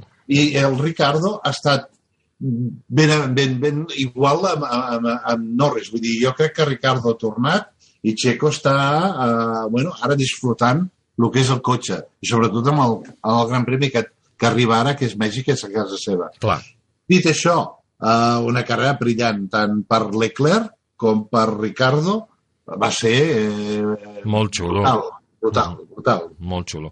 Ara, clar, Ferrari, és que ha, hi ha coses que no les entenc. Jo estic d'acord amb tu, eh? Ja el veig, la, els veig, eh, Un diguéssim, punt, eh? més forts. Els veig una Sí, mica més forts. sí, sí. Però sí, cometen més errades. Ara, ara, perquè clar, el, Ah. el pit stop del Sainz eh, doncs li van esgarrar la cursa i després hi ha una cosa que jo encara no he acabat d'entendre que és l'estratègia de pneumàtics a la sortida amb Carlos Sainz Maria eh, Sainz i Sonoda són els únics que surten amb, amb tous la resta de la grella anaven amb mitjos això no sé si és, no és una penalització de cara al final del primer stint per Sainz al principi donava- sí, saps que aniràs bé però després a No, palmar això- jo crec que això és falta de confiança, no? Perquè Ah, exacte, al, exacte. Al final, al final eh, té que ser el Carlos que deu estar d'acord en fer-ho.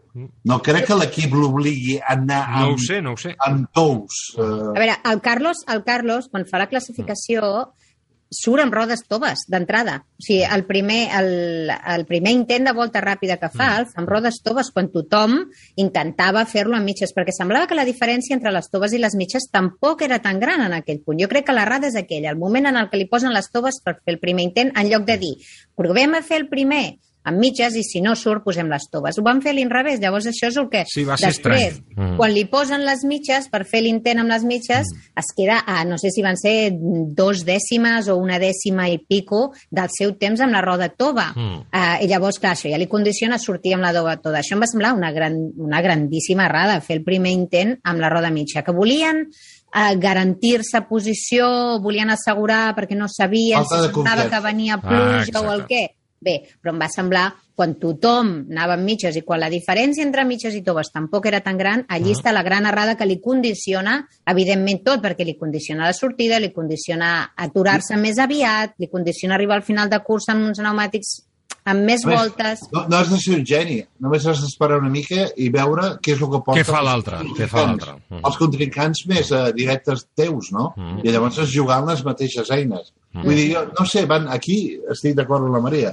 Aquest joc que van posar de, de tous d'entrada, vull dir, crec que és una errada, però és una errada que estic segur que no és una errada de, de, de, de, l'equip, és una errada que Carlos Que ell ha volgut això, ha volgut Ha provar volgut una, això, un eh? camí dir, diferent.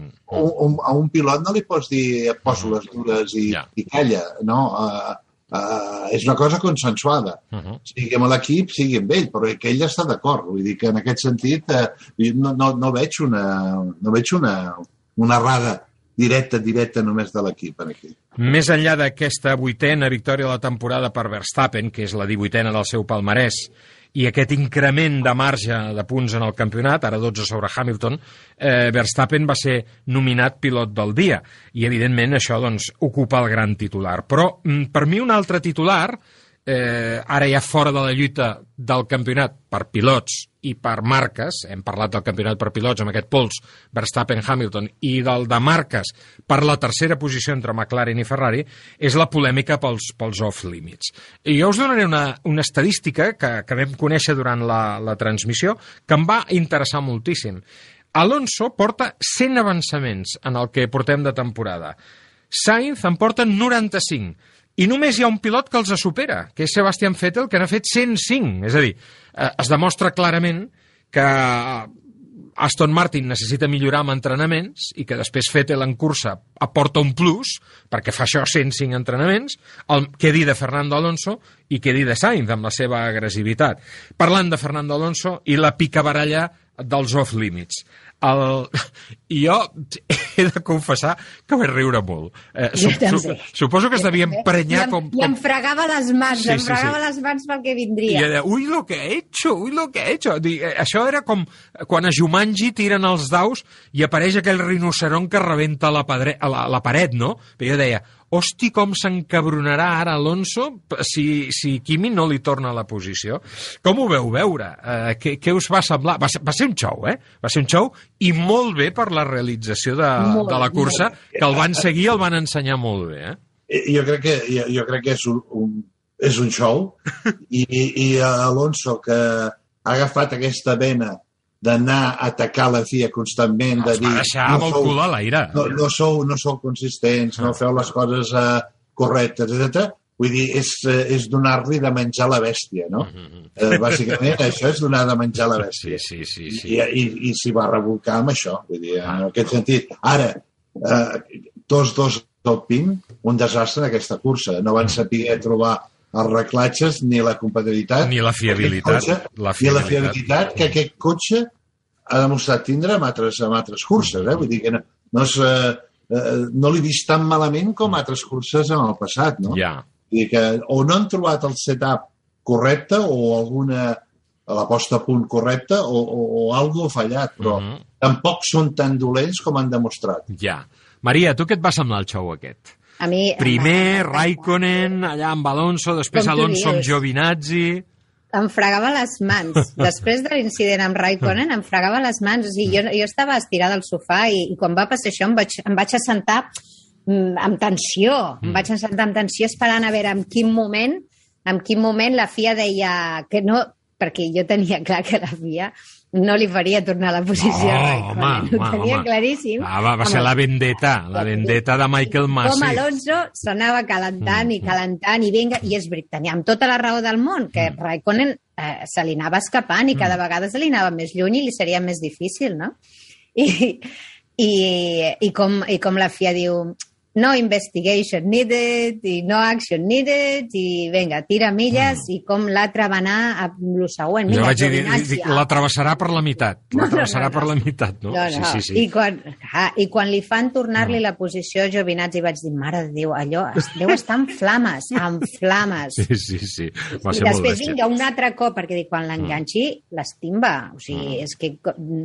I, I sí, sí, sí, com va, l'intenta repassar el, re- i evidentment Giovinazzi per fora, torna-li la posició, bueno, va ser, va ser, evidentment no podien donar amb un ah, entre cometes, un pitjor pilot, no? Per, per Ja. trobar-se amb, embolicat, Sí, sí, amb els track limits tres vegades. tres jo- vegades. A mi no m'agradaria encabronar-lo, eh? perquè saps que, que si gira t'atravessarà pel mig, eh? Vull dir, això, això ho tinc claríssim.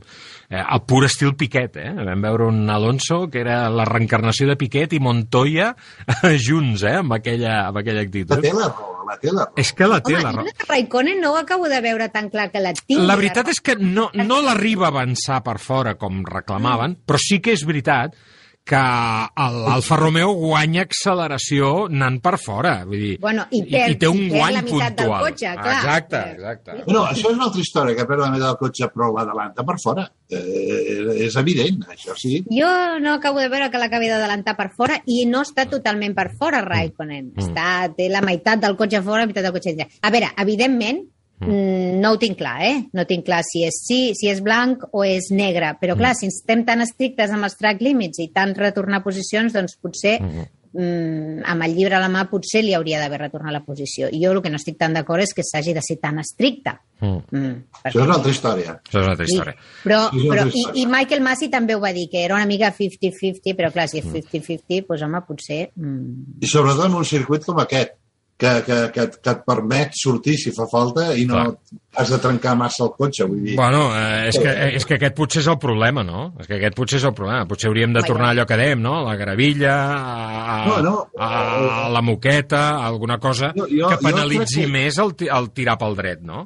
Jo, jo, jo crec que una altra cosa, ja que hi ha tanta electrònica, hi ha tanta d'això, jo crec que amb un sensor, un sensor que et talla el motor. Per X Un cut-off, un cut-off. Un cut-off de dos, tres segons. Al moment que tu passes d'això, eh, et talla per dos segons el motor. Que Això perd- pot ser perillós, no, Joan? Perquè No, potser no en un moment ser, donat no. necessites gas, no? No, no, no, no en No? absolut. No? Però, però estem parlant de que et et talli, eh, et talli dos cilindres o et talli... Vull dir que perdis dos dècimes o tres dècimes eh, quan facis una cosa d'aquestes. Vull dir, s'hauria, com a mínim s'hauria de provar. Mm. Ja que hi ha els sensors a terra, és molt fàcil fer una, un software que, que treballi amb els sensors del cotxe. Ja. Vull dir, no, no, no és massa complicat. I llavors es n'haurien dubtes. Està clar. Bueno, haurien dubtes si es tanqués l'electrònica o, Ja, no, ja, o no no, funcionés. ja, Sí, ja, clar, això pot passar, Seria una cosa injusta, no? Però, però, però, però, bueno, seria una cosa de, de ja no entraria la part humana. Que el problema de la part humana és que és, no és consistent.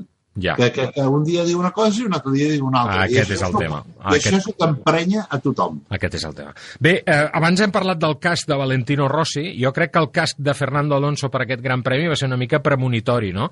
Eh, M'agrada molt que Alonso tingui la sensibilitat de, de sumar-se a, a aqu- aquesta situació tan dramàtica que estan vivint els habitants de l'illa de la Palma per l'explosió del, del volcà en qüestió, però és que realment jo crec que per un moment vaig pensar que aquell casc era transparent, perquè allò que veiem, aquella lava que sortia, era el que realment devia estar passant pel cap d'Alonso amb tota aquesta picabaralla amb els, amb els Alfa Romeo. I no vull fri frivolitzar en absolut amb el problema que tenen aquesta gent de, de la Palma, que evidentment em, em, em, em sap molt greu, pobra gent, i que, que espero que puguin solucionar ben aviat.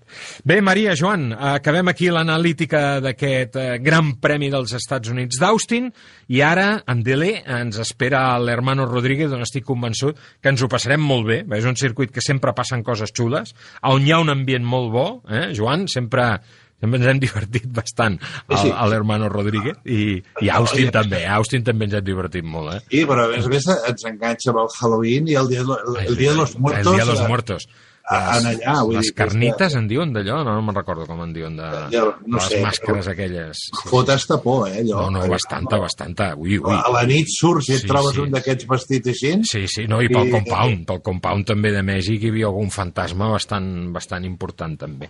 Bé, Però això aquest està per Halloween i per no Halloween. exacte, I, i fins i tot per les xarxes socials. De tota temporada. Sí. Eh, gràcies, eh, Maria, Joan. Ens retrobem d'aquí dues setmanes per parlar justament d'això, d'aquest Gran Premi de Mèxic. Una forta abraçada. Tanquem Abraçades parèntesi. Fórmula 1 i tornem a les motos tot seguit. Adéu, Joan. RAC Més? 1. Et vols vendre el cotxe?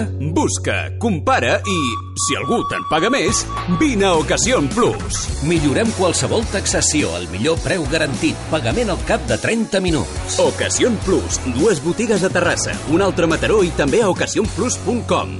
Obrim els dissabtes matí i tarda. Em vull vendre el cotxe, vendre el cotxe. A vender mi cotxe et comprem el cotxe. Però com? On i quan? No tinc temps. Fàcil i molt de pressa. No cal ni demanar cita. Vine amb el teu cotxe, accepta la millor oferta i abans de 30 minuts tu i els teus diners estareu de tornada a casa. Vinga, venta el cotxe a vender mi cotxe. Som a Barcelona, al carrer Rocafort 78, Cornellà de Llobregat i a Sabadell. RAC més us està oferint Cafè del Pado. Tota l'actualitat del món del motor amb Josep Lluís Merlos. I ara al Cafè del Paddock reprenem l'actualitat del món de les dues rodes. Tornem a parlar del campionat mundial de MotoGP, en aquest cas de les categories que ens quedaven pendents, Moto3 i Moto2. Recordem com està el campionat. A Moto3, Pedro Acosta continua liderant, ara amb 21 punts de diferència sobre Denis Foggia. Sergio García Dols, que no va córrer a Misano és el tercer classificat a 66 punts.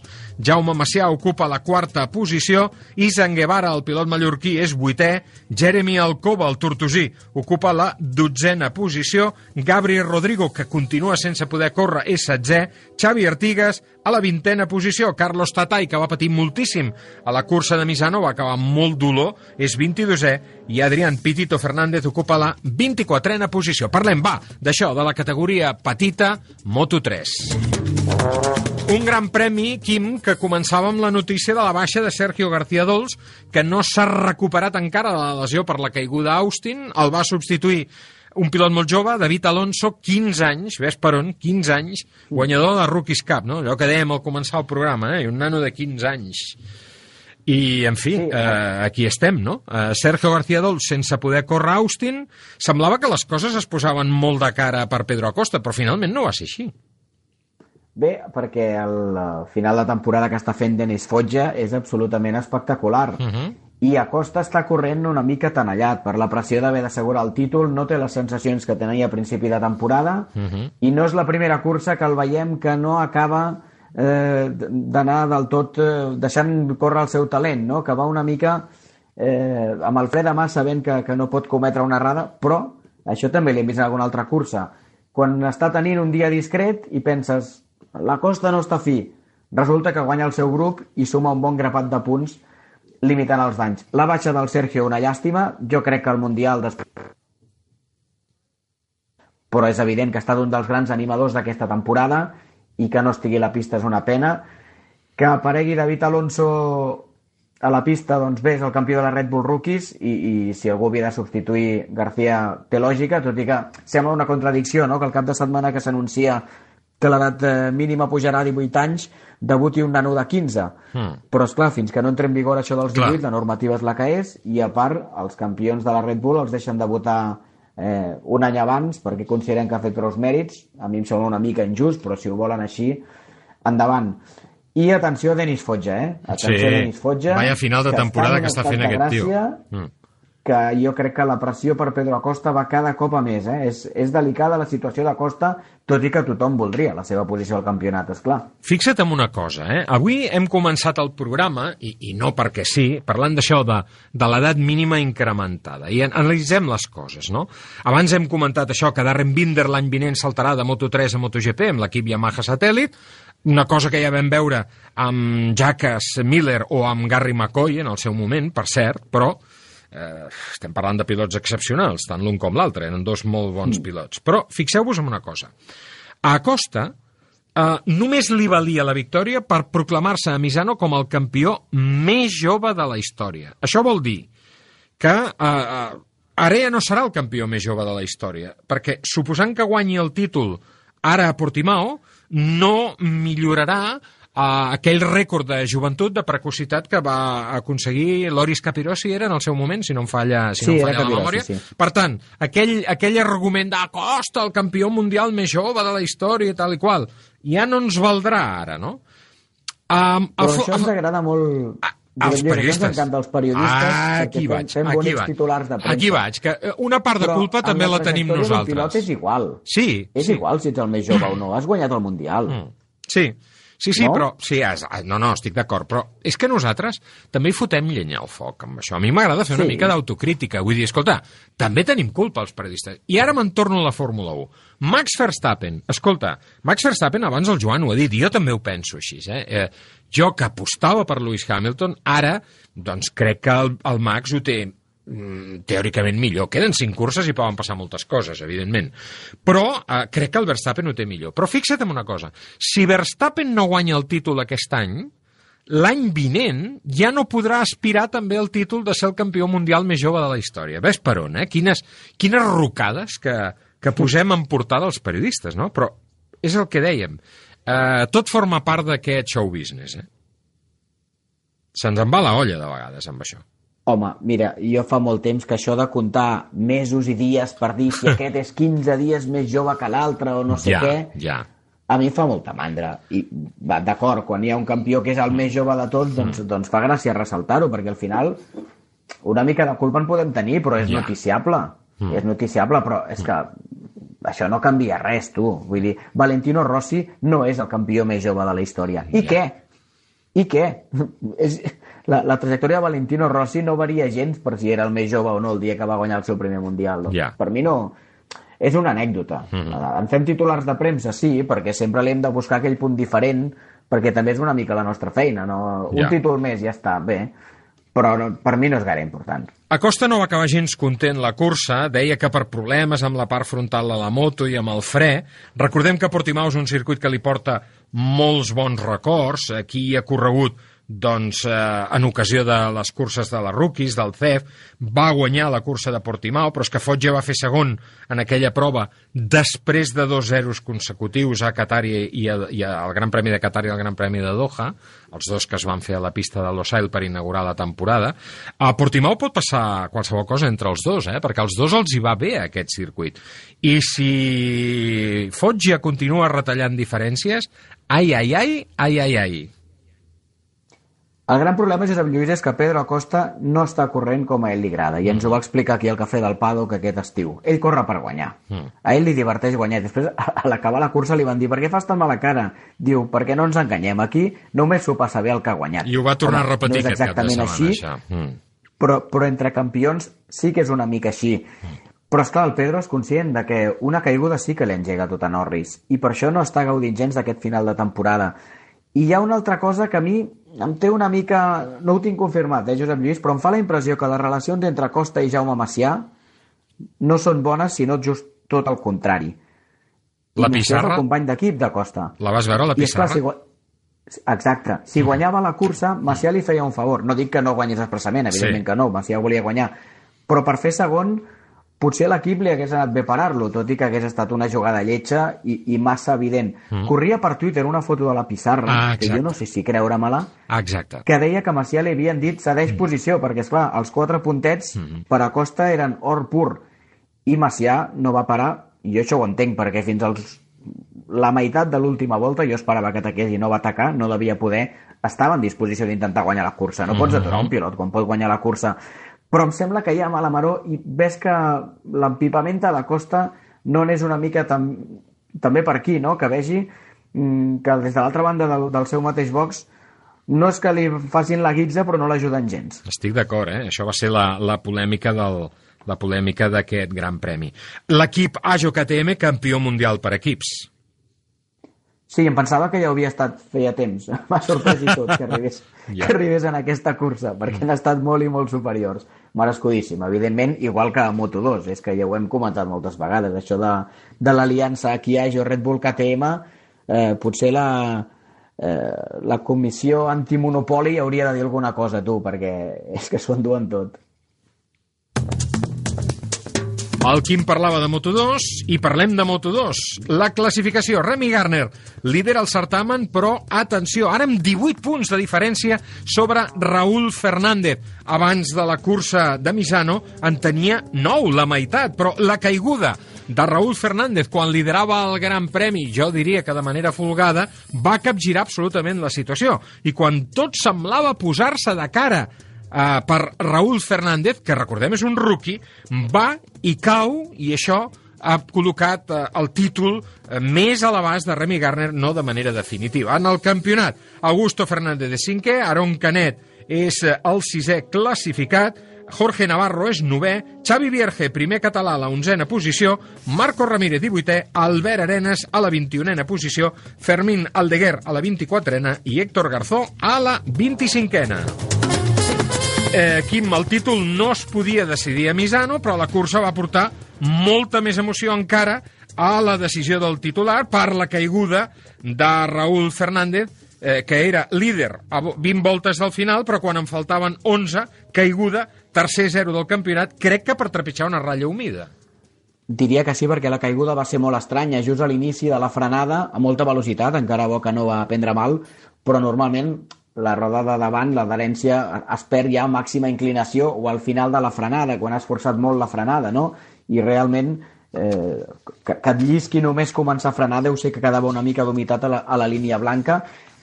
Gir de guió completament inesperat, perquè la cursa anava encaminada gairebé deixar el Mundial eh, en safata per Fernández. Sí. Garner estava naufragant, com no l'havíem vist naufragant tota I la temporada. cometent errades, eh? Cometent moltes sí, sí, errades. Està molt nerviós. Mm. El bandau que li fuma el pobre Chantra Sí. era evidentment mereixedor de la long lap, mm. que després eh, el tio va tenir l'encert de, de no perdre posició quan, quan la va fer, però Garner estava en serioses dificultats, veient que no tenia ritme i molt nerviós.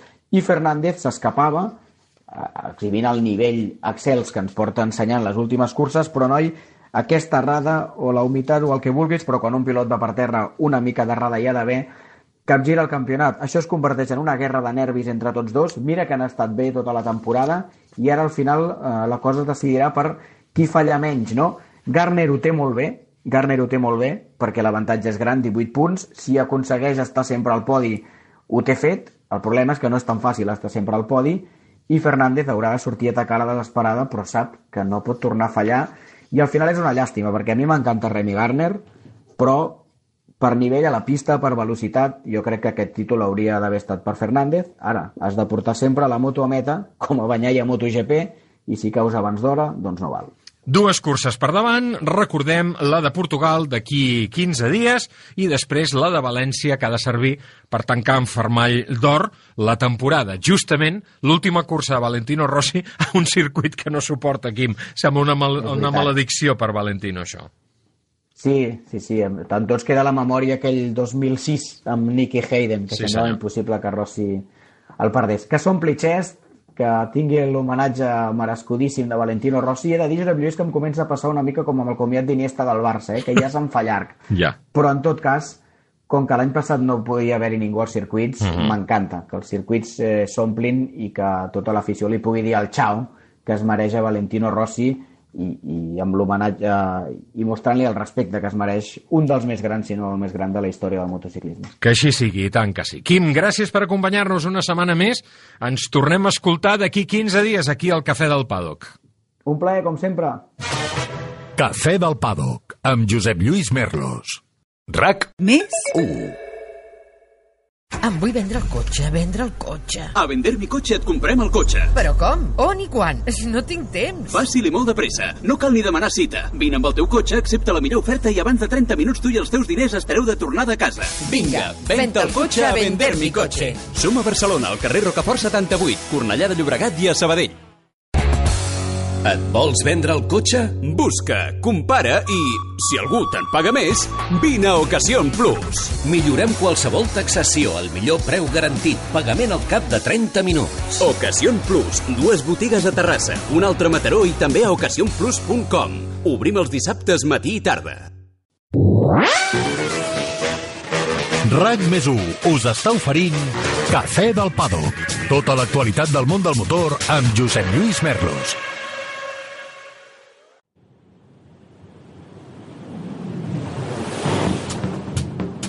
Abans d'enlairar el vol, fem una repassada a les altres curses del cap de setmana i comencem parlant d'una molt bona notícia, i és que el català Miquel Molina, acompanyat dels italians Cresoni i Mastronardi, amb un Ferrari de l'equip Iron Link, s'ha proclamat campió de les European Le Mans Series per primera vegada, gràcies a la victòria a les 4 hores de Portimao disputades aquest diumenge. El de Lloret aquest any ha obtingut 3 victòries, dos segons llocs i una tercera posició en una de les seves millors temporades. L'equip de Vicenzo Sospiri, format per Beretta i Schandorf, que piloten un Lamborghini, s'han emportat el títol del International GT Open en la setena i última cita de la temporada disputada aquest cap de setmana al circuit de Catalunya, tot i no poder guanyar cap de les dues proves programades a Montmeló. El Mercedes del 6 Motorsport en la primera i el McLaren del Inception Racing en la segona van ser els guanyadors. Andy Suchek va combinar un cinquè i una segona posicions amb el Porsche de l'equip Lechner, el que li ha suposat ser el segon classificat al final del campionat. Amb un nou doblet espectacular al circuit de Pietra Murata, Jeffrey Herlings s'ha emportat les dues mànigues del Gran Premi de motocross del Trentino, la catorzena cursa del campionat, i ha incrementat el seu marge al capdavant del certamen per davant del francès Febre, que va fer un tercer i un quart lloc, i de Gagier, que va obtenir els mateixos resultats que el de Kawasaki. Jorge Prado es manté quart del Mundial. A Pietra Murata va partir molt, vuitè i dissetè a causa d'una petita fractura a l'espatlla que es va fer mentre s'entrenava. Aquesta mateixa setmana, els pilots tornen a córrer en aquest escenari la quinzena prova del Mundial. L'Illa d'Elba ha viscut durant tres dies d'aquesta setmana la primera cursa del Vintage Trophy de la temporada, el campionat reservat a motos històriques que permet veure novament a pilots de llegenda que ja no estan en actiu. La victòria va ser per l'equip de França, on hi havia mites com Stefan Peter Ansel, Logan Charbonnel i Thierry Viardot. Alemanya, amb altres pilots històrics com Fon Sichevich, va ser segona. L'equip espanyol va obtenir una destacadíssima tercera posició amb els catalans Jordi Riera, Valdiri Oliver i Xavier Castell. I amb aquestes notícies sobre les altres curses del cap de setmana tanquem aquest capítol número 31 del Cafè del Paddock. Tornem la setmana vinent, tot i que aquest cap de setmana no hi ha grans premis, però seguirem reflexionant sobre les disciplines del món del motor. Gràcies per acompanyar-nos. Adéu-siau! RAC més us ha ofert Cafè del Paddock. Tota l'actualitat del món del motor amb Josep Lluís Merlos.